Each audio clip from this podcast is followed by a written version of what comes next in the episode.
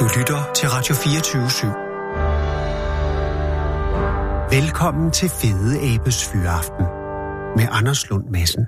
Kære lytter, velkommen til programmet sendt her i dag, som er torsdag den 23. maj 2019. Det er optaget i forgårs. Og det her er jo forudsat, at jorden eksisterer, øh, fordi at der er sket en apokalyptisk begivenhed fra den optagelse, som finder sted tirsdag kl. nu 12.26 den 21. maj. Vi er øh, præcis en måned fra sommersolværv, og jeg ved jo ikke på det tidspunkt, om, vi, øh, om, om, om jeg lever dagen ud. Og det ved vi jo ikke nogen af os. Vi håber, og jeg regner med, hvis alt er gået godt, hvis du hører det her, kære lytter, så er det gået godt for os i hvert fald. Og der er også, hvis du hører det her, en ret stærk formodning om, at der ikke er sket noget katastrofalt i løbet af den tid, der er gået for den her optagelse, og til den bliver udsendt. Og det er relevant, fordi at vi beskæftiger os med katastrofer.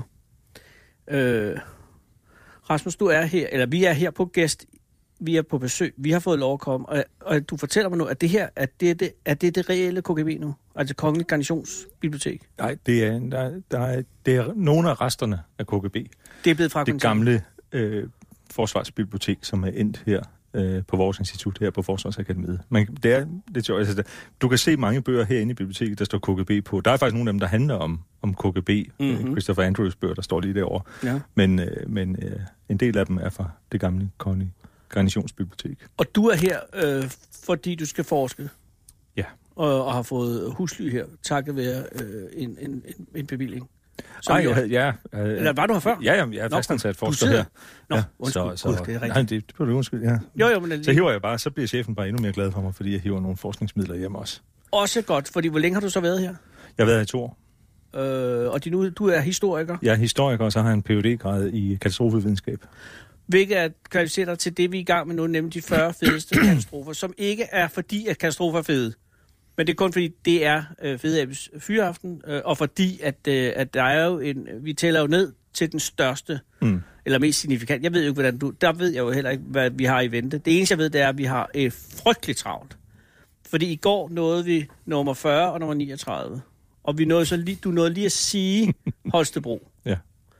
Og der er nok mange øh, af vores vestjyske lyttere, som allerede der har, har, har begyndt at tænke, nå okay, så ved de nok godt, hvad det handler om. Mm. Jeg tror også, jeg ved, hvad det handler om, men jeg ved jo ikke. Jeg ved bare, det vi skal vide nu, fordi vi skal, vi skal i gang. Øh, men altså, det er katastrofer øh, på et universelt plan. Altså, du, du har ikke begrænset dig til Danmark, vel? Nej. Men, men det, det er ikke sådan så, at de bliver større og større, Nej. nødvendigvis. De bliver bare mere og mere. Fordi der er ikke rigtig nogen målestok at måle katastrofer på. Og man kan sige antallet af tabte menneskeliv. Ja. Og, og jeg ved, sådan, når du går sådan på Wikipedia nogen, for eksempel, så har du sådan nogle, Ja. der er nogle lister over store katastrofer. der findes en, øh, noget, der hedder MDAT, som er sådan en, øh, en international database over katastrofer, som, som har nogle forskellige kriterier for, at der skal være over 10, der er omkommet, og der skal være så og så mange, der er såret, og der skal være så og så meget værdi, der er gået tabt. Ah. Men, men, men katastrofen er et relativt begreb. Ja, det er. Altså, det, det der kan være en lille bitte ubetydelig hændelse på national eller international plan, kan opfattes opleves som en voldsom katastrofe for øh, den enkelte eller for en mindre gruppe. Præcis. Så det er kontekstuelt begreb. Yes, kontekstuelt begreb. Og øh, vi må i gang. Holstebro. 1962. Ja. 11. februar. Ja. Skypumpe. Det er jo en, en bizarre begivenhed. Ja, men, men altså, skypumper er i virkeligheden ikke så usædvanlige i, uh, i Danmark. Man ser dem sensommeren. sensommer ved, ved, uh, ved kysterne. Ja. Uh, jeg har set en enkelt. Uh, jeg kan huske, min mor fortalte, hun oplevede en som barn nede på, ved, på, ved, ved Forborg øh, på, øh, på kysten dernede, som hæv parasoller op og, og så videre. Men, men altså, det er jo noget med kold og varm luft. Jeg har set og, en øh, mini der sætter gang i- som bare øh, legede med, med hø, Ja, altså høstet ja, hø på en ja, mark. ja. Og det er jo tit, at man slet ikke ser dem, for der skal være noget, ligesom, der kan virves op. Ja, lige præcis. Men så kom der så den her i, øh, i, øh, i begyndelsen af februar 1962, øh, i forbindelse med et, øh, et tordenvejr, der kom ind ud fra Nordsøen. Og det siger du på en dag, som i dag, hvor vi lige har haft tordenvejr. Ja. Men det er jo helt atypisk øh, årstid. Ja. Fordi det er koldt. Men det er jo, som en meteorolog så smukt har formuleret det en gang, vi kan sagtens forudsige vejret, så længe det ikke gør noget uventet. Ja. Altså, Det er fuldstændig rigtigt. That's weather. Ikke? Og, og, hvad, og hvad sker der? Der er simpelthen tordenvejr. Ja, og det danner en, en skypumpe, som er den kraftigste, der er målt, der, som er simpelthen er registreret i, uh, i Danmark, Ja. og som uheldigvis øh, kører ind øh, igennem en, øh, en del af Holstebro. I virkeligheden, altså det, der er en del af øh, Holstebro i, øh, i dag, men som var nogle kvarterer, der lå i, i udkanten af byen dengang. Okay. Og øh, øh, hvordan, altså vi arbejder jo med fem kategorier inden for skypumper. Mm. Altså det er også der er set katastrofefilm fra USA. Og der er kategori 5 selvfølgelig. F1 til 5. Ja. Ja. Og F5'eren, the big cannoli, det er den, the destroyer of cities. Ja. Det er den, der kører. Ja, og så er, er der, vi- så er der jo dem helt uden for kategori, det er dem, der går ild i. Nå ja, og der, hvor der hajer i. Ja, ja. Ja. Ja. Jo, tak. Men ja, men, men er, det her, er, vi, er vi oppe i en kategori? Vi, vi havde F1? sådan en ting med at se Sharknado øh, om fredagen på mit katastrofeforskningscenter på Københavns Universitet. Det, er- Fordi at I kunne grine af den? fordi det er... Eller fordi at I kunne tænke, det her er, hvad der kan ske, når alt går galt? Altså, man skal jo være forberedt på det værste, ikke? Og øh, for dem, der ikke har set Sharknado, og jeg synes, serien stopper i to år faktisk. Altså, det er der, jeg, jeg Ja. synes, den potentiale bliver foldet helt ud. Men det er jo kombina- den frygtelige kombination af, af skypumper og, og Og her, ja. Og, og, og Steve fra Beverly Hills. Ja. ikke, som jeg faktisk har interviewet en gang. Nå, men, tilbage. men, men er, det, er vi oppe jeg i ved F1'er? ikke, hvor vi er henne. Nej, okay. Øh, meget bekendt, så bruger vi ikke de der kategorier i, øh, i Danmark. Nå. Øh, Formentlig fordi det er ikke er særlig tit, at øh, vi ser skypumper, Nej. som forårsager noget værre end at trække en, en strandpashold op. Men her sker der faktisk noget. Jo. Der sker faktisk noget. Der, der, der er heldigvis ikke nogen, der er ikke nogen, der dør. Nej. Øh, så, så hvad det angår, er det jo en af de gode katastrofer. Ja. Øh, og, og man kan jo også diskutere, om det er en katastrofe. Også nu talte vi øh, i, øh, i, øh, i går om øh, en af de her definitioner på katastrofen ja. som vendepunkt. Altså om der er noget, der for alvor bliver forandret. Lovgivning, kulturelle opfattelser, måder vi gør ting på.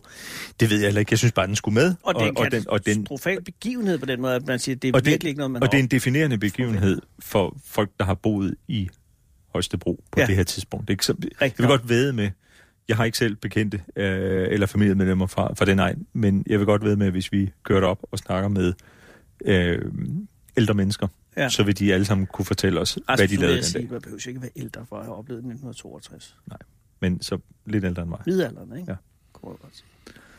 Men ja, hvad, for, hvad sker der den formel? Altså rent faktisk. Jamen, altså, Den, den, opstår... øh, den opstår, og det er jo ikke noget, der tager øh, vanvittigt lang tid. Altså, den bevæger Hvad sig med omkring 40 km i timen. Nå, det er da noget. Det tager måske øh, 10-15-20 minutter. Så har den... øh, max. Og det, der sker, det er tage, der bliver løftet af. Der er øh, øh, gavle, der bliver suget ud. Der findes nogle fantastiske øh, billeder af, hvor, hvor de her huse simpelthen ligner øh, dukkehuse, hvor man kan se ind i, øh, Wow. i bygningerne. Og, og øh, vand bliver øh, suget op igennem øh, toiletter, og altså det her undertryk, ikke, der, der sker. Og det, der sker i en, i en tornado, eller en skypumpe, at der opstår et, et vakuum inde i... Øh, Ja, altså det, det, er, en, det er jo en virvelvind, ja. som opstår øh, på grund af forskel på kold og varm luft.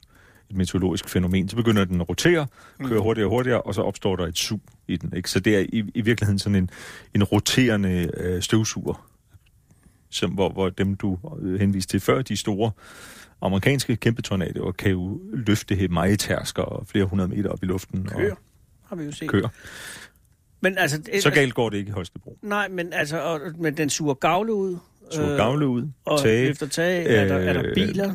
Ja, biler, der bliver, øh, der bliver løftet, og, øh, og det, er, det er en voldsom oplevelse for, øh, for dem, der, øh, der øh, er førstehåndsvidner øh, til det naturligvis. Også fordi det er, man kan sige, i Tornado Alley i USA, ja. der har man et, man kalder det et disaster mindset. Du, du har din beskyttelsesrum i kælderen. Du ved, når det er tornadosæson, du, så, så, så, så du kender tegnene på, når him, øh, horisonten Ja, bliver så er mørk. De her ting. Det her, det er jo noget fuldstændig uh, uventet i, uh, i Holstebro. Ikke? Så derfor er det også en, uh, må det have været en oplevelse af at stå over for et naturfænomen, som er helt uvandt. Altså, hvad er det, der sker omkring os? Og vi skal lige... Altså, jeg, jeg, jeg, sådan som jeg har læst det, så er det jo, det er jo, en, det er jo ikke en lege skypumpe, den her. Altså, den er jo stor. Den mm. er jo Mm. større end husene. Altså, man, man, Ja, kan, ja. man Ja, kan ja. jo se den, altså. Ja, ja. Det må have været en skræmmende oplevelse. Meget altså, især, skræmmende og meget, jeg tænker om vestjyder. Ja, præcis. Og jeg, jeg kan, Altså. Jeg forestiller mig, at det må have været en uvirkelig oplevelse. Ja. Altså, at du står og ser på noget, som du ikke... Vi taler meget i dag inden for mit fag også om det, man kalder meningsdannelsesteori. Altså, hvordan mennesker skaber mening i de øh, tegn, som bliver præsenteret for os visuelt og øh, øh, lydmæssigt. Ikke? Altså, hvad, når vi, når, hvad vi hører og ser, hvordan, hvordan forbinder vi det ind i vores hoveder ud fra nogle forhånds... Øh, opfattelser, vi har af, hvordan verden virker. Ja. Hvor, hvor når du står over for noget, som er helt ukendt, Ja. så, som, så kan du ikke... Der, der er en, en teoretiker, der hedder Weik, som har et begreb, der hedder kastethed. Han kan godt lige opfinde sine egne begreber. Thrownness. Ikke? Altså, det er også en det, det er, sikker når du- måde at blive ja, på. Fordi vi er vant til at skabe mening i verden gennem fortællinger. Ja. Begyndelse, midte og slutning. Og når du bliver kastet, når du som indsatsleder bliver kastet ind midt i en ulykke, eller der pludselig sker en eksplosion, eller der kommer en, eller at taget begynder at løfte sig, så er du kastet ind midt i en fortælling, Ja. hvor du ikke kender begyndelsen. Okay. Så begynder du at... Så, så, så, så, bruger du nogle, det man kalder euristikker, altså nogle tommelfingerregler, nogle mønstre, der ligner. Nå, men altså, er det, er det, hvad, hvad kan det så være? Kan, kan det være... Øh, øh, er det, øh, er det øh, øh, en øh, eksplosion, der har fået skabt et lufttryk, der får taget til at løfte sig? Er det øh, tordenvejr, eller hvad er det? Ikke? Men Mm. så, så prøver du at skabe mening i, i de her kaotiske, uforståelige tegn. Ja, og det må det have været i 1962 klokken lidt over 11 om formiddagen. Sådan, hvilken dag i ugen var det? Ja, det husker jeg ikke. Nå, okay, for man umiddelbart. håbe, det var ja. en heldig dag, Ja. så der er stille. Men den kører igennem Holstebro. Er der, er der, er der er materiel skade? Og materiel skade, er der dyr, heldigvis der dør? ikke... Øh, det Ja, mener det er der jeg jo ikke. helt sikkert, men altså... Øh, er ja, men ikke der er ikke den, nogen hund, og der der er ikke kaste- alvorlige skader. Altså det, det, noget af det, der er værst, det er faktisk, at øh, der er meget store, der er meget store materielle skader. Altså, der er huse, der er fuldstændig ødelagt. Okay. Men der bliver sat et loft på erstatninger på 30.000 øh, per, øh, per husstand. Fordi hvad? Fordi, ja, at man det er tænker- fordi, man fra regeringens side, øh, det er jo det, ligesom med stormflodsskader og den slags. Ja. Ja. Man er bange for at skabe præcedens.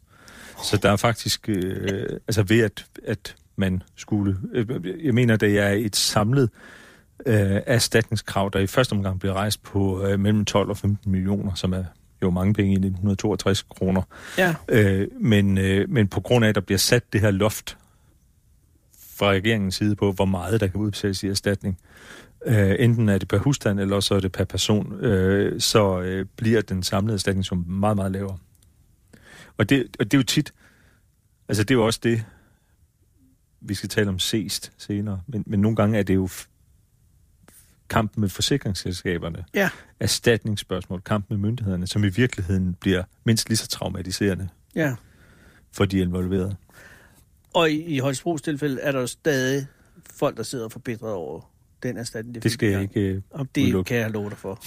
Altså, det forestiller mig, det, på den måde kan man tale, at, at Vestjyder er jo, jo folk, der også husker. Ja.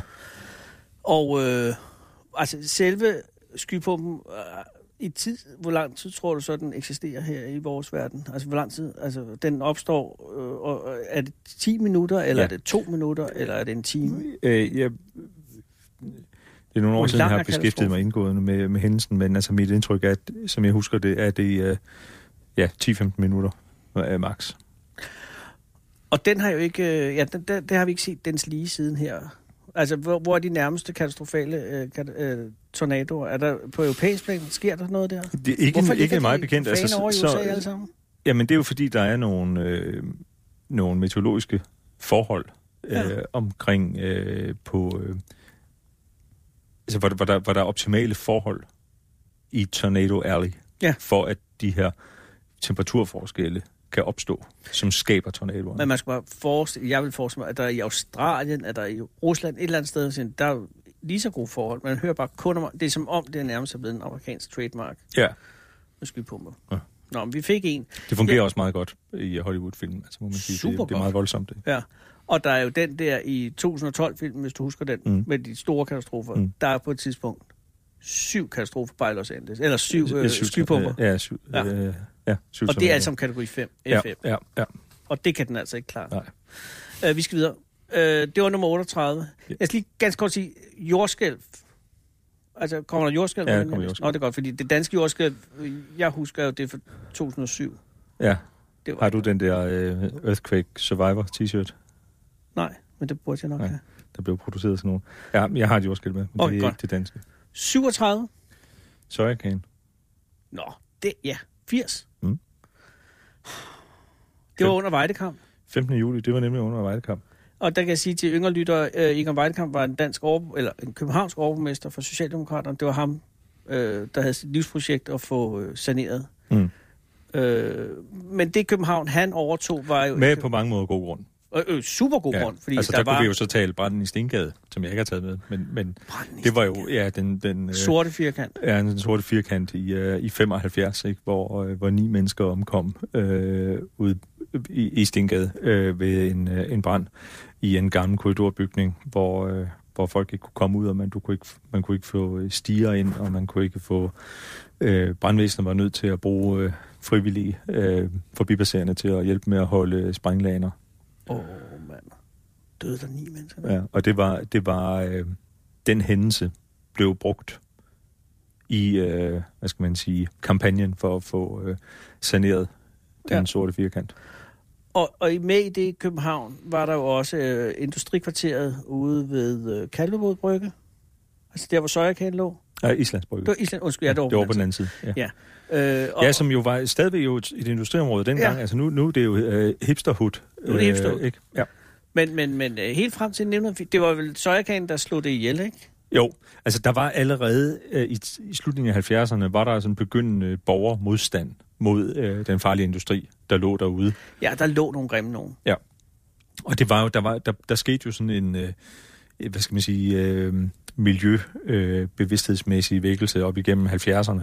Øh, ikke mindst efter Seveso i øh, Italien i, Seveso. i øh, 76. Øh, Er den på listen? Nej, jeg havde tænkt mig at nævne den i forbindelse med Bhopal, men vi kan tage Okay, den her. okay, ja, ja. Men, det- men det, det, det skubber jo til hele den her bevidsthed og modstand mod øh, at have farlig industri øh, liggende inde i, altså, i, i byerne, ikke? Og det er jo, det har aldrig været Så- en god så idé, der var- men der det er jo var fordi, at der de var lå jo uden protester. for byerne i gamle dage, så ja, ja, det er jo byerne byerne, der er vokset Ja, ud. og det vil man aldrig regne med, at Amager skulle være til beboelse, Nej, øh, andet end for hollænder. Ja. Og så pludselig, bum, bum, bum, så ligger der karrierer hele vejen rundt ja, det er præcis. Og hvad laver man på søjerkagen? Der laver man, øh, man laver madolie, øh, man øh, laver øh, Gud, er pigerlys med? Nej, den kunne vi godt tage med os. Ej, det er også... At det er også det er virkelig... Øh, jeg, Fantastisk. jeg har faktisk interviewet... Jeg skrev en biografi om en, en brandmand fra Københavns Brandvæsen for nogle år siden. Der, der interviewede jeg nogle stykker, der havde været med øh, ved slukningsarbejdet af Pigerlys. Det var i starten af 80'erne. Ja, der havde man altså en stearinfabrik ja. liggende på Det Nørrebro. må også være noget af det værste at slå. Altså Ja. en kunne Det, alle lyder sådan, altså, det lyder sådan lidt Anders Sand-agtigt, der er ild i sterinlysfabrikken, ikke? Men det, er jo, det var frygteligt. Altså det, det, Der var så det blev høje- så varmt. Ja, at hele kloaknettet var jo Ja, fuldt af ga- øh, stearin. gadelamperne, øh, lysmasterne smeltede Ja. ja. udenfor, ikke? Det er en vanvittig idé at have liggende. Men det var godt på det tidspunkt. Ja. Men, Men de, sojakan- lavede, de lavede, de lavede øh, madolie, de lavede øh, og selve- dyrefoder Ja, fordi sojakager er jo noget, man kan af, til... af sojabønner. Ja. Ikke? Altså det, Og så laver det til nogle, nogle foderpiller. Østasiatisk, Østasiatisk kompagni, ikke, der sejlede øh, store skibsladninger af øh, sojabønner øh, ind, og så øh, Og lavede man nogle, nogle det man kalder estra- ekstraktionsprocesser, altså hvor du ved hjælp af opvarmning og tilsætning af kemikalier kan få forskellige øh, stoffer ud af de her sojabønner. Yes, Og det var det, man lavede derude. og det gik galt. Så var der en, øh, en øh, fejl på en øh, ventil. Der er altid en I, fejl. sådan- der er altid en fejl på en ventil. Har I, vi øh, gaseksplosion for alle vi med? Ja, ja, Åh, oh, gudskelov. Selvfølgelig. Der var en fejl på en ventil. Ja. Og øh, sådan så man, man har et øh, man har et anlæg der opfører sig lidt øh, lidt lidt mystisk, og så øh, er der en sikkerhedsventil som skal lukke noget overskydende øh, Damp. damp ud, noget, noget gas. Det er, det er jo det, man har sikkerhedsventiler til. Problemet er, at den ikke lukker igen. Så der bliver ved med at sive øh, det her, øh, det her øh, heksan ud, som lægger sig, det er tungere end, øh, end øh, atmosfæren, så det lægger sig som sådan en dyne rundt. Og man, man, øh, man bemærker det derude, at øh, øh, der lugter af gas. Mm-hmm. Det har der gjort før. Altså man, så, sådan en fabrik, den kunne jo prutte, ikke? Ja. Altså, så man, øh, og, og det var jo blandt andet også det, Og øh, jeg kan huske, de lokale- det lugtede faktisk. Dårligt. lugtede frygteligt, ikke? Og de lokale beboere øh, øh, også klagede over, det var både faren, øh, altså eksplosionsfar den slags, men det var også lugtgenerne, Ja. først og fremmest. Yes, yes. Men øh, man brokkede sig over. Men hexan, er hexan en brandbar gas? Jamen altså, den antænder jo i hvert fald. Oh, man har sådan, en, man har sådan et, øh, et, et, ordsprog inden for sikkerhedsteori, der siger, at der, øh, er der gas, så er der gnist. Altså, så undgå gas. Ikke? Altså, Ja. der, er, der er altid en, en gnist på et eller andet Ja, tidspunkt. det, ikke? ja, fuldstændig. Problemet er så, at man har på det tidspunkt, fordi man er klar over, at der er en lækage et sted, så har man tilkaldt beredskabet. Så Københavns Brandvæsen er allerede derude. Åh, Så der er 27, der bliver kvæstet. Der er heldigvis ikke nogen, der omkommer. nej. Men der er 27, der bliver kvæstet. Her er en, en, øh, en ret stor del. Øh, jeg tror, der er en 10, øh, omkring 10 arbejdere på sojakagen, der, der bliver kvæstet. Og det er det er jo så øh, øh, af trykbølgen af den her eksplosionsagtige, øh, altså den her gaseksplosion, øh, eller gasbrand, øh, der øh, også får nogle øh, bygninger til at falde sammen, og øh, folk bliver ramt af murbrokker og sådan noget. Og så er der en, et ret stort antal øh, brandfolk og politifolk, der bliver kvæstet også. Så de var tilkaldt. De var tilkaldt. Og, For det, og, det gør du jo også. Det gør man jo også i dag. Brandvæsenet, hovedstadens beredskab, kører jo også til, øh, hvis en entreprenør får gravet en gasledning over. Det sker jo en gang imellem, at man lige skal grave ud til, øh, til noget fjernvarme, og mm. så øh, får man lige revet en gasledning over. Måske fordi man det gik lidt stærkt, eller der er nogle gamle kort, der ikke er helt præcise, og den slags. Ikke? Ja. Og så kommer brandvæsenet, indtil man får, får lukket, fordi er der gas, så er der formentlig en gnist på et tidspunkt. Men er det sådan, kan man sige, eller er det for generalisering, at, at hvis der er en katastrofe, så hvis bare man forfølger katastrofens årsag længe nok, så ender man med en udulig mand eller kvinde? Nej, det kan man ikke sige. Jo, for ham der med ventilen, der har Ja. også været en, der ikke har vedligeholdt den Ja, ventil, men altså, der har produceret den Det du dårligt. er ude efter, det er, det er, det er dels det, man kalder kerneårsagsanalyse. Altså Ja. hvor du går tilbage hele tiden og siger, hvad førte til, hvad førte til, Ja, hvad ja. førte til. Og der, der er en, en, en anden teoretiker inden for sikkerhedsteori, han hedder, han hedder Reason. Det synes jeg er et dejligt navn. Det er et betryggende navn til det her. Jim Reason.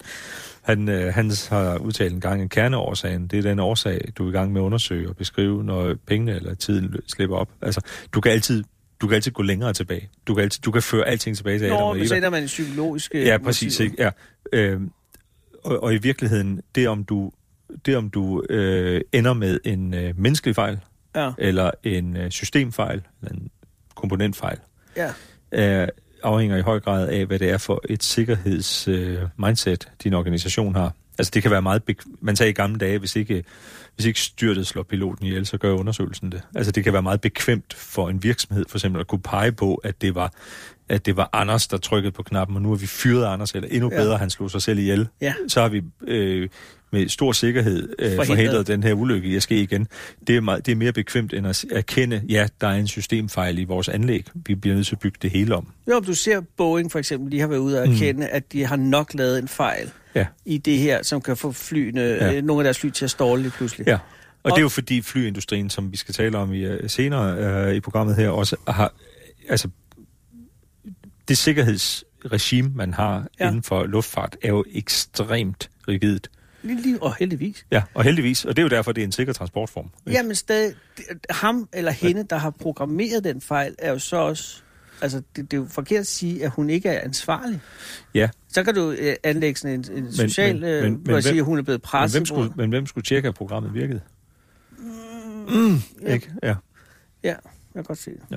Men i sojakagen, der er det den defekte ventil, som... som øh, Der er i hvert fald et eller andet med den her sikkerhedsventil, der gør, at den ikke lukker igen, og så, og så, så, så slipper der det her gas ud, som Ja. lægger sig som den her og det bliver antændt på en eller Så du anden skal måde. forestille dig, at der, der, er- der er, er arbejdere fra Sojakagen, der er brandfolk, der er politifolk, der ligesom går rundt i området. Man Ja. ja. evakuerer nogle mennesker. Man, politiet laver jo en, øh, en afspærring.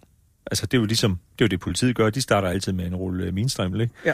Og så, øh, og så laver man jo en, en afspærring, øh, en indre afspærring, som er det, man kalder ekolinjen.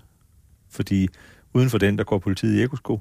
Og indenfor, der, er- ja, øh, der, er det, øh, der skal du have brandståler på. Ikke? Altså så laver man sådan en indre afspærring.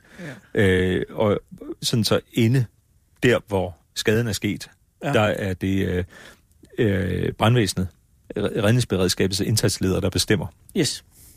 Og der skal du have sikkerhedsudstyr på, og sådan noget, når du går ind i en branddragt og, og sikkerhedsstøvler og sådan noget. og så går, man, så går man rundt formentlig for at lede efter den her lækage, for at finde ud af, hvad der er sket. Og man kan rundt, man har måske nogle målere med, ikke? Man kan, du kan lugte, der er gas i området. Så pludselig sker der en, øh, en eksplosion. Og den eksplosion, hvor stor er den?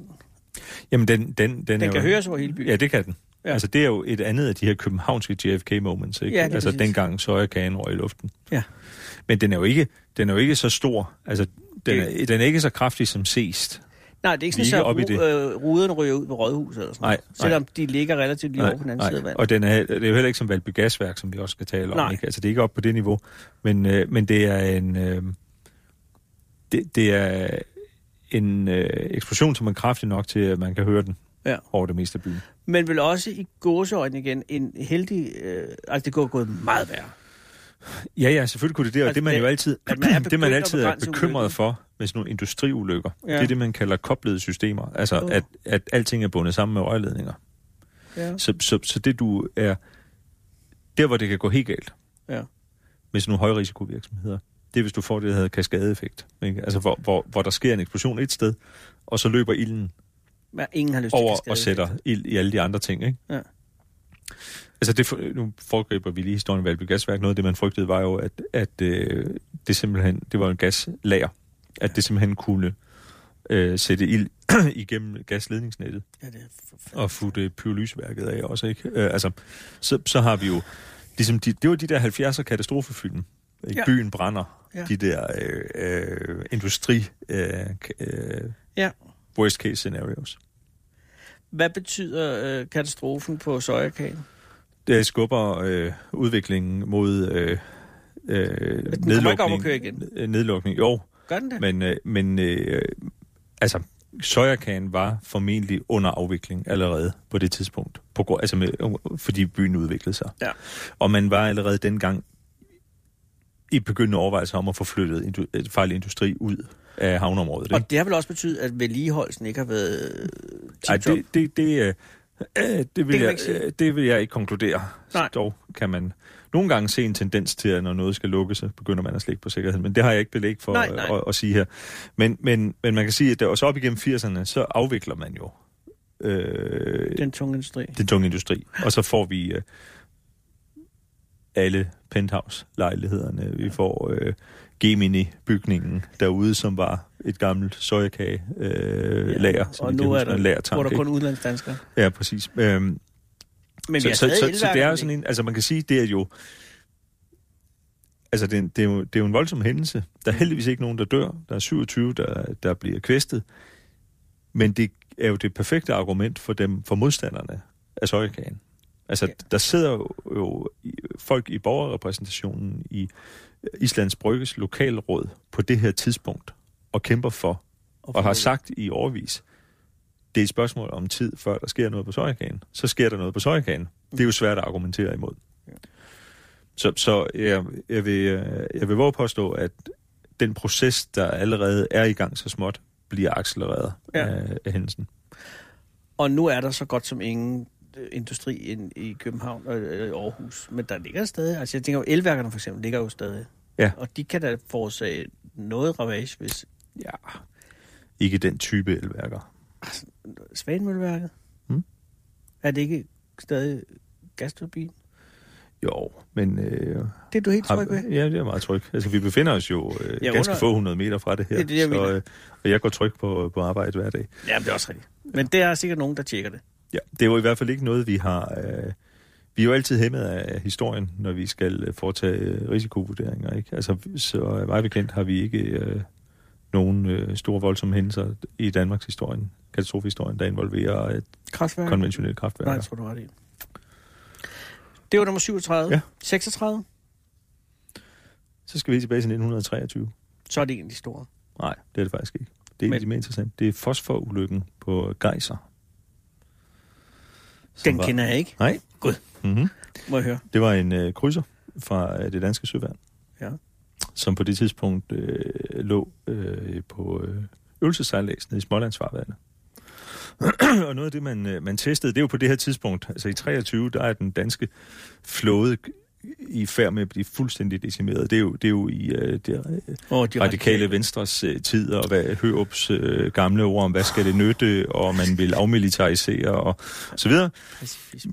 Men selvfølgelig har, har man øh, overløbsfartøjer, og selvfølgelig skal de også øves. Og et orlogsfartøj, hvad er det? Det er altså, krigsskib. Ja, ja, men øh, det- det dækker for alt krigs... At det ikke er speciel størrelse? Eller, Nej, nej, altså det her det er en krydser, så det er en Og- og for, krydser, forholdsvis øh, stor. Ja, øh, stor Vi har ikke krydser nu. Nej, vi altså, har, det største, vi har en fregat nu. vi har fregatter, men, men vores fregatter i dag er større, end krydserne var dengang. Man, Åh, på den men ja. man kan ikke helt sammenligne over tid. Men det vil sige, det, det er et relativt stort skib. ja, det er et forholdsvis stort skib. For. Har du nogen idé, hvor mange mand eller kvinder? Eller er Øh, det, det er... Øh, Er det 100? Er det 1000? Det, det kan jeg faktisk ikke svare på. Jeg ved ikke... Øh, Det er også klassificeret, det, er, det, Nej, det er ikke klassificeret. Men, men, øh, Okay. men det er et af de... Det er ikke en lille torpedobåd. Det er et af de større. Altså krydser var ikke så store. Dengang der havde man kystforsvarsskibe og panserskibe, som var de store skibe. Slagskib. Ja, det har vi ikke haft i Danmark. Men, men øh, så det er sådan et, et middelstort Okay, ja. øh, overløbsfartøj. Ja. Øh, de ligger og sejler sejler, altså og sejler nord lystsejlads for, for Lolland der. Yes, øh, og noget af det, man tester, det er togudlægning. Dengang der sejlede man jo, øh, der, havde, øh, der havde man jo øh, kanoner og Ja. torpedoer på Ja. krigsskib, som var de våbenarter, man havde til at skyde andre krigsskib i stykker med. Yes. Og derfor så brugte man i den her periode, 1. verdenskrig og 2. verdenskrig, i høj grad togudlægning øh, defensivt. Altså så kunne man simpelthen generere kunstige tog, Nej, og så gemmer man sig ind i det. Jo, jo. det er et rent Batman. Ja, Og men det er meget effektivt. Altså, Du laver en tog. Du laver simpelthen, du har, en, du har sådan en togkanon, som i det her tilfælde er en, øh, en øh, konstruktion, så vidt jeg husker på et svensk forbillede, øh, hvor man øh, brænder noget fosfor af.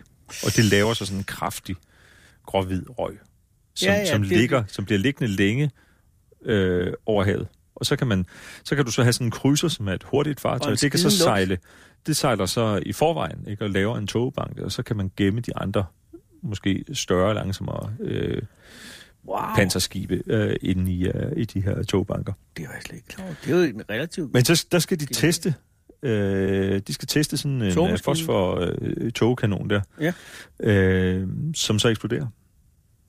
Og det er meget dårligt, når fosfor Og det er rigtig skidt. Blandt andet fordi fosfor brænder under vand, så du kan ikke slukke det. Og det har, øh, altså, så, så, så ryger der stykker af det her fosfor ud og brænder sig fast på huden, og det, det, du kan ikke slukke det, det bliver bare ved med at, at brænde sig ind i huden. Ikke? Så der, er- der er en, der dør ombord, og så er der et antal øh, besætningsmedlemmer, som bliver øh, svært forbrændt. Oh. Der er to ting, der er interessante, øh, ekstra interessant ved, øh, ved Geiser-ulykken. Øh, altså selvfølgelig går der, der, går no, der er en undersøgelseskommission, der går i gang, man undersøger den her, øh, det her design, og fordi altså, der er jo læring i sådan en, øh, i sådan en hændelse, ikke? Øh, hvad skal vi gøre? Skal vi bygge de anlæg om, vi har? Skal vi købe nogle nye, en anden konstruktion til vores øh, skibe øh, fremadrettet?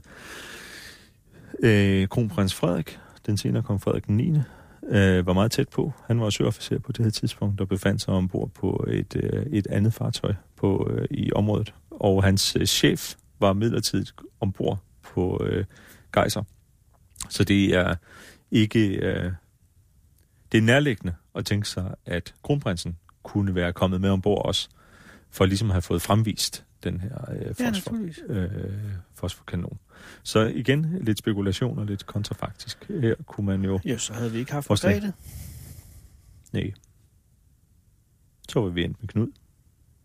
Og så havde vi haft en republik i dag. Det kunne jo godt være. Det havde vi ret. Knud var ikke. Men øh, Men, men, men, men der dør kun en. der dør kun en. En af dem, der bliver kvæstet ombord, det er Kai Hammerik. Det er Paul Hammeriks far.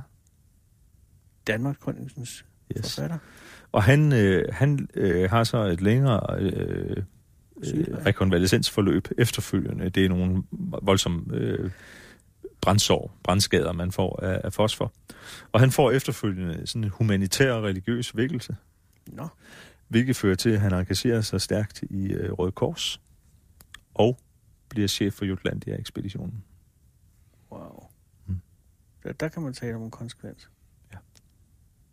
Har det nogen konsekvens for, for toglægningsindustrien? Øh? Ja, altså der, der er jo en, den, er- det er jo sådan den mere tekniske side af det, ikke? at man går ind og ser på, hvad var, det, hvad var der galt med den her øh, konstruktion, og Ja. ja. det har øh, øh, betydning i forhold til, øh, hvordan man konstruerer de her togapparater, og for at undgå selvfølgelig, at øh, en sådan hændelse kan ske igen. Og nu er man gået helt væk fra, jeg mener da ikke, man arbejder med togudlægning.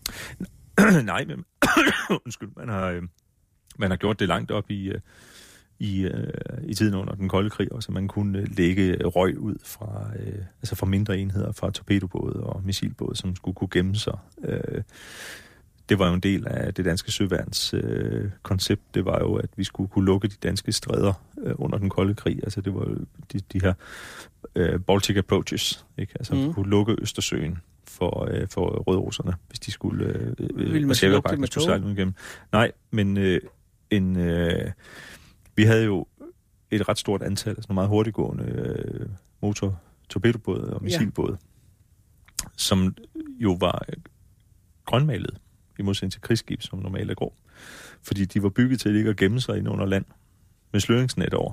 No. Den er sådan, de der Vilmos-klasse, de, de gamle uh, missiltorpedobåde der, de er jo nærmest helt usynlige, uh, hvis de ligger uh, tæt ind under kysten. Selvfølgelig. Så lå de og gemte sig der, og når så uh, vores Ava-pakten forsøgte at gennemsejle uh, Storbælt på vej ud for at slås ud i, i Nordatlanten, så uh, kunne man i et koordineret angreb sende en uh, by af de her uh, hurtiggående uh, missilbåde ud Øh, jeg, ved, jeg ved ikke, om de den seneste generation af dem havde tog, men det har man i hvert fald øh, har øh, brugt tidligere på den type fartøjer, ikke? for at man kunne, øh, kunne gemme sig. Og apropos katastrofer, som ikke skete, så var det, synes jeg, meget interessant at se det der kort, øh, det polske kort, øh, som man fandt, og ja. med, øh, hvor der skulle have været bombet. Ja, med, med øh, hvor øh, der skulle have været anvendt øh, taktiske atomladninger. Øh, ja. Hvor de altså ikke havde været fedtet med. Nej, nej, men det er jo også, kan man lige godt give en ekstra omgang, det er når man er i gang. Ikke? Det... Altså, øhm, jeg vil sige, det, det, er jo ikke, det havde ikke været sjovt at bo tæt på øh, hverken Stævnsfort eller Langlandsfort. Øh. Jamen, jeg var lidt chokeret over, jeg havde ikke forventet, at Holbæk fik en atomvåben. Holbæk? Ja. Nej, men det kan være, at man havde en ekstra. Jo, men det er også, ligesom, det er over the top et eller andet sted. Ikke? Ja. Nå, men, men altså, øh, en, en øh, meget opsigtsvækkende katastrofe. Og gudskelov øh, begrænset til et dødsfald. Det var mm. nummer 36, ikke? Det var nummer øh, 36, jo. Jamen, så er det 35. Jeg synes, vi har momentum. Vi ja, har... ja, det går oh, bedre. Ja. Jesus, det går hurtigt. øh, 35. Ah, okay, ja, 35. Skagerraks forlis. Ja, den. Så retter man så op i stolen. 1966, 7. september som jo var en, øh, en øh, forholdsvis ny færge, der sejlede en norsk færge, der sejlede på øh, ruten øh, Christiansand øh, Hirtals. Ja. Og øh, kunne have 800 passagerer ombord. Havde heldigvis kun 98 den her dag. Hårdt vejr, de bliver forsinket i afgangen fra Christiansand, øh, sejler så senere på dagen, op ad formiddagen, kommer ned øh, til Hirtals. 6-7 meter bølger, får slået, får slået agterporten ind. Formentlig var øh, agterporten ikke klampet rigtigt, altså den var ikke låst. Der var sad sådan nogle klamper på, ligesom, øh, det, ligesom hasper. på et øh, hasper. På en vindue. Ja. Øh, og det var ikke, de var ikke alle sammen øh, gjort fast. Der var en udulig mand? Ja, Altså, mener du har hårdt vejr, så fastgør du alle dine hasper. Uforsigtig, måske. Okay, du er... Fordi hvem er, hvem er ansvarlig på et skib? Ja, det er kaptajn. Ja, det er kaptajn. Det var Einstein Dværgsnes, hed han ombord. Einstein Dværgsnes? Einstein Nå, okay. Dværgsnes. Erfaren øh, ja. kaptajn på øh, ruten her. Mm. Og selvfølgelig er det hans ansvar. Men man kan jo ikke forvente, at han øh, personligt går ned og Nej, tjekker. men det er stadigvæk hans ansvar. Klar. Men man kan sige, at han kompenserer sig for, han får rent faktisk en, øh, en øh, straf for det, en bødestraf efterfølgende. Okay. Øh, formentlig er der tale, altså færger er jo rutinepræget maritime arbejdspladser. Du sejler på den samme rute dag ud af dagen. Man kan nogle gange se eksempler på, at det er svært at opretholde et fokus på uh, sikkerhedsprocedur. Ja. Fordi vi gør det dag ud af dagen. Ja, ja. Og det kan jeg også se uden Nu har det virket i uh, 10 år kun at lukke fire af de otte klamper. Selvfølgelig, ja. ja. Nå, men jeg, bare, jeg sejler med Helsingør Helsingborg ja. meget tit, og der, der kan jeg også se, det, er, det bliver det rutinepræget, når de skal ud og lukke... Altså, når man kommer ind i havnen, så skal du have borgporten op, eller mm. hvad hedder det, frontporten. Ja. Og så er jeg helt sikker på, at et eller andet sted står der i et, øh, et direktiv, at man skal først gøre det, når den er henne. Men der er det jo, åh, er der nede, ikke? Mm. Altså, så, får man, så kommer den op 10 Der kan ske det, der hedder procedureglidning. Ikke? At Jeg tror, det er det, jeg ja, ja. Ja, der var jo den der færge i 87, uh, Ro-færge, eller Ropax færge, Herald of Free Enterprise. Det er ja. Ja. kanal, der væltede. Så der er jo fordi hele de så- borgporten ind. Ja, de, det var fordi ham, der skulle, ham øh, bådsmanden, der skulle lukke øh, bogdørene, han sov på sin vagt. Ja, den er Så svær. sejlede de øh, ud af havnen og, Og der satte var farten op bagdøren. med øh, bogporten helt åben. Ja. Og så er der, fordi de sejler i ballast, helt ex- øh, exceptionelt, fordi der er en rampe inde i Sebrygge, der er gået i stykker, hydraulikken, så de har lagt skibet en meter dybere i vandet. Så sejler de i ballast til Dover, fordi de skal tilbage igen til Sebrygge, og så sejler de lidt uden for sejlranden hen over et lavvandet område. Og så opstår der det, der hedder øh, squat-effekt. Altså hvor et skib, der sejler hen over et lavvandet område, så opstår der en turbulens under, øh, under øh, skrovet, der suger det ned. Det er det, de der store krydstogtskibe udnytter, når de skal, der er dem, der er for høje til at sejle under Storebæltsbroen, ja. så sætter de fuld fart på lige inden, fordi så suger skibet sig ned i. Altså jeg siger, jeg kører ikke over broen lige, Nej, det gør jeg lige, lige på det tidspunkt. heller Altså, det, hvis du har en der er ingen grund til at udfordre skæbnen. Vel? Ja. Men, øh, Bum. men så, så blev Herald of Enterprise lige præcis suget nok ned i vandet til, at en bølge slog ind. Ja. Og det er jo nok, Ja, for fordi så er der vand den, den bølge, den bliver ikke liggende i midten. Nej. Den, den, det er sådan et tipping point. Ja. Øh, eller match point, alt efter om vi læser Gladwell eller ser Woody Allen-film. Ikke? Altså det, lige det der sted. Du, der, er ikke, der er ikke nogen mulighed for status quo. Enten kører bølgen over den ene side eller den anden side, ja. og så kender færgen. Øh, men øh, men øh, Skagerak. Skagerak, det var den, vi kom. Ja, det var en, øh, en lille ekskurs. Nej, det øh, det er fint. Øh, men Skagerak øh, får slået øh, agterporten ind Af en bølge. af en bølge. Og så kommer der vand ind på bildækket. Ja. Og den øh, får slagside, og den synker langsomt. Ind i havnen. Nej, ud for Hirtals. Og øh, kaptajnen, Dværgsnes, han håndterer den her situation fuldstændig sublimt. Nå. Så det kan godt være, at det er formelt set er ham, der har ansvaret for, at agterporten ikke er klampet over øh, rigtigt. Men da først skaden er sket, så øh, altså han bliver, øh, han bliver hædret efterfølgende. Han bliver øh, også af, passagererne heldigvis kun de 98 passagerer ud af de 800 mulige passagerer, der var ombord. Øh, I forhold til hans kommunikation til passagererne. Han Mm. mm. kommunikerer med øh, kystradiotjenesten, altså øh, Skagen Radio, øh, svarende til Lyngby Radio, øh, kalder ind. Man får evakueret øh, passagererne. De kommer i... Øh, man har lidt problemer med at sætte øh, redningsbådene, fordi den ligger øh, skævt i vandet. Det er altid problemet. Så, så du- på den ene side kan du ikke sætte redningsbådene, fordi at skibssiden forhindrer det, fordi den er skæv. Og på den anden side, der kommer du så til at hejse bådene ned et stykke udefra Ja, ja, det kan skibsskroget, hvilket betyder, at de begynder at svinge, og så bliver de smadret ind imod. Ja. Øh, Så det er, det er altid udfordringen. Men har øh, du lige nogle hurtige tips til, hvis man er ude at sejle? Altså, er det et godt sted at sidde? Er det et dårligt sted at sidde? Skal man være at blive i bilen?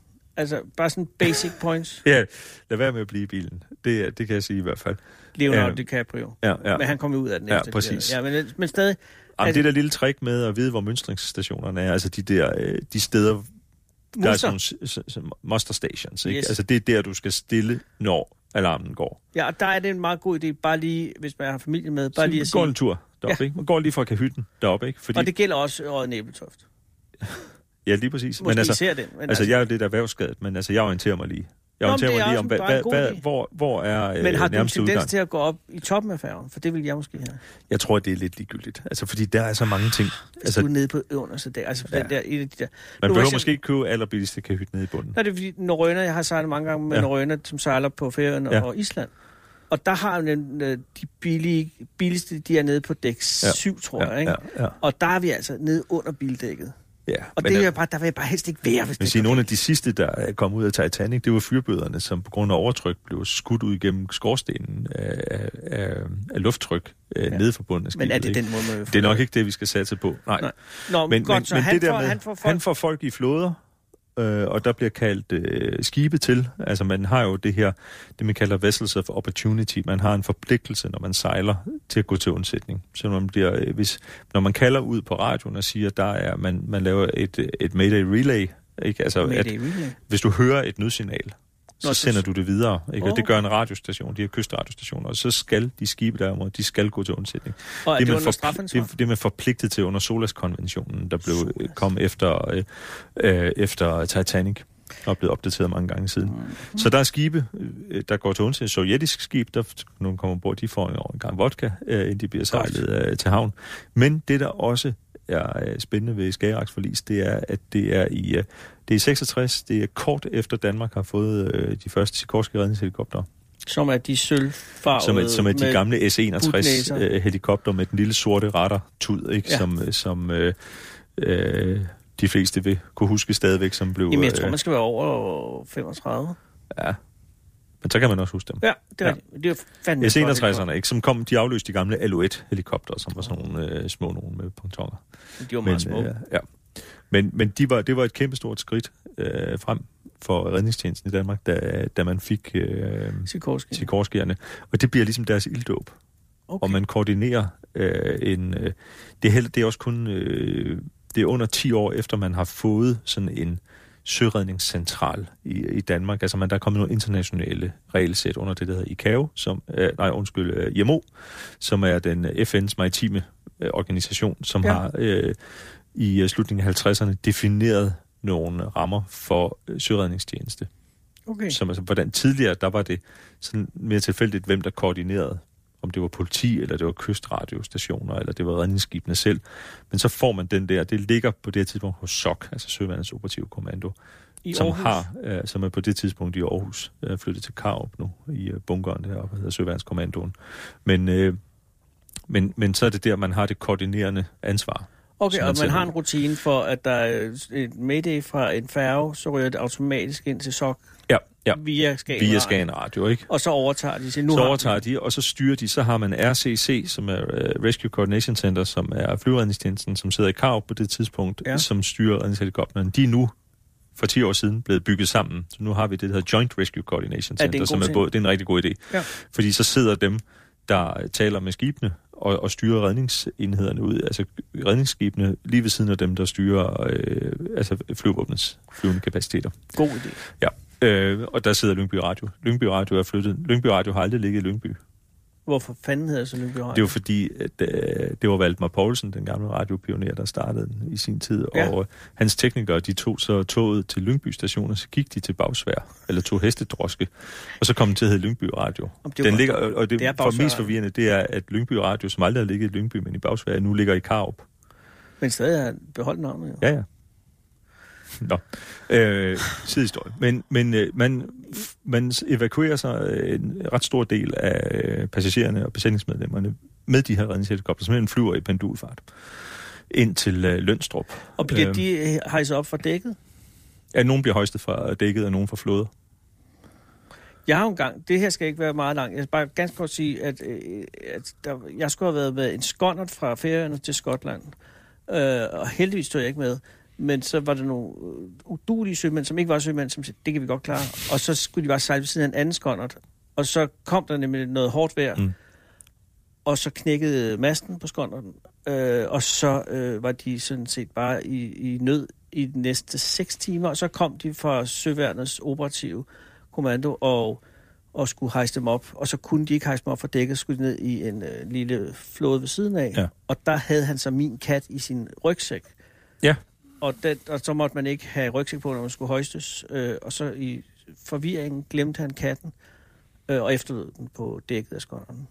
Så den gik med ned. Nej, det gjorde den ikke. Den kravlede ud af rygsækken, ned i kahytten, og så blev den bukseret ind nogle dage senere, og så sad den dernede og havde det godt. Men det var også en færøsk kat. Men, men, men det her ender uden nogen øh, dødsfald? Der er, der er et dødsfald. Der er en øh, mand, øh, der dør af et hjerteanfald i en af flåderne. Men man kan sige, øh, altså, det, måske ikke altså, afledt af... Ja, ja. Han drukner ikke. Han, dør, han dør af et hjerteanfald i, i flåden. Og det er nok Øh, øh, noget sindsbevægelse. Ja, ja.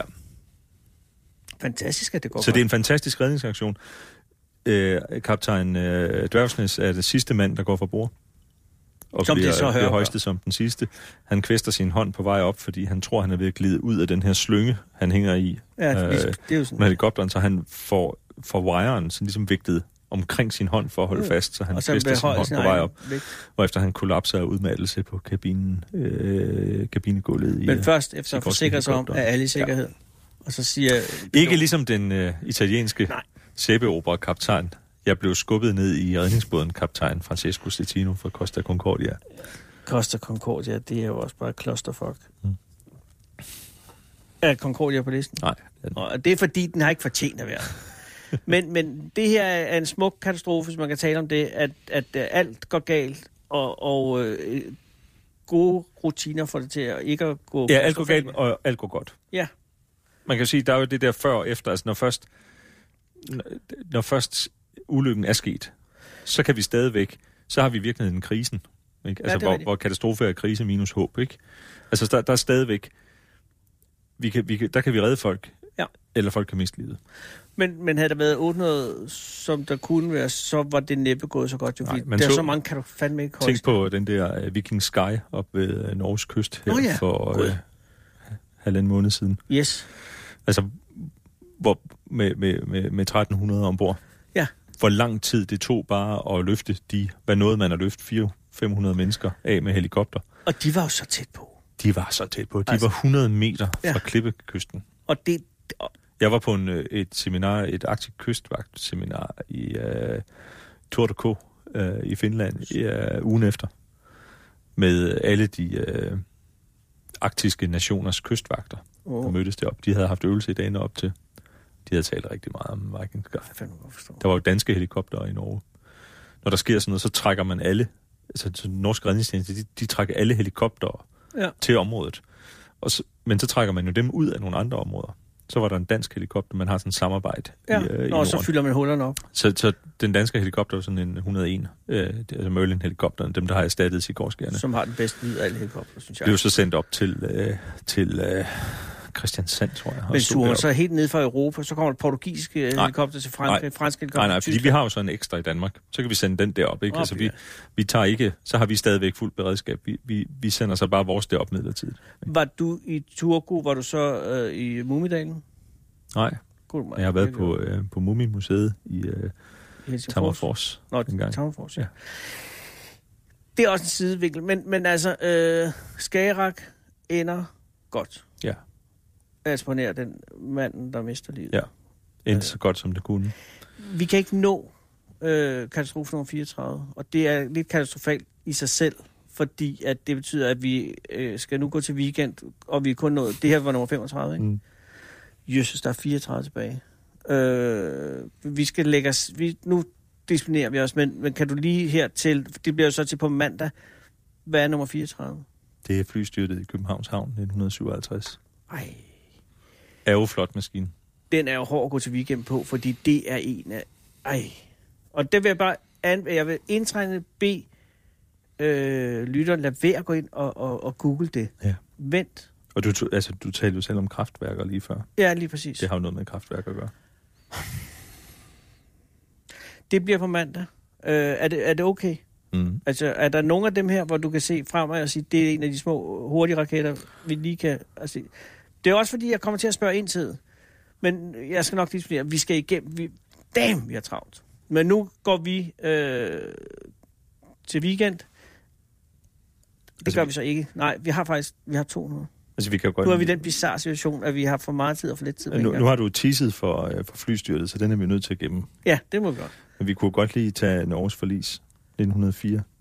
Kan vi nå det på to minutter? Dan, dansk emigrantskib ejet DFDS. Ja. Sejlede ind i det eneste, man kunne sejle ind i ude i Nordatlanten. Et skær ud ved Rockall-klippen. Altså man skal beslutte sig for, at man skal sejle højre eller venstre om det skær. Så ender han op på det. Det var ligesom det der træ øh, øh, nede i Sahara. Der ligger et træ Ja. inde i Sahara, og så også en, en, en tankvognschauffør, der kørte ind i. Hvad skete der med Norge? Der var 727 øh, passagerer ombord og 68 besætningsmedlemmer. Og der er 729 af dem, der dør. Og den forventer du, at vi lige affejer på, på et Jamen, det er jo en, der, er, der er ikke meget mere at sige. At det er en tragedie. Det er Men... En tragedie. Den synker i løbet af 20 minutter. Øh, Du sejl, han, øh, skiberen får sejlet skibet op på det her rev, øh, får bakket skibet ned igen. Halvdelen af forskibet bliver stående. Så kan den ikke holde sig flydende. Og så synger den. Og så synker den. Og der er øh, enormt langt til alt. Der er, det er 420 km nordvest af Irland. Der Og kan der, er- jo der er jo eksempler på folk, der driver rundt i, øh, i redningsbåde i ugevis. Så bliver de samlet op af fiskefartøjer og sejlet taget med ind til uh, Grimsby, tror jeg det er, hvor de ender. Og det er jo en frygtelig tragedie. Altså, og grunden til, at man jo desværre bare ikke kender den på samme måde som altså, øh, mange andre skibskatastrofer ja. i uh, Danmarks historie, er jo, at det var overvejende fattige østeuropæiske immigranter, som sejlede med den. Og 1904 var en anden tid. Ja. 700, hvor mange mennesker døde, sagde du? 629. Det er på det, der var overhovedet nogen, der overlevede. Mm. Det siges jo, at der stadig driver både rundt for Norges forlis. Sidste? Det har jeg lige sagt i hvert fald. Nu er der nyheder klokken 17. Du lytter til Radio 24 /7.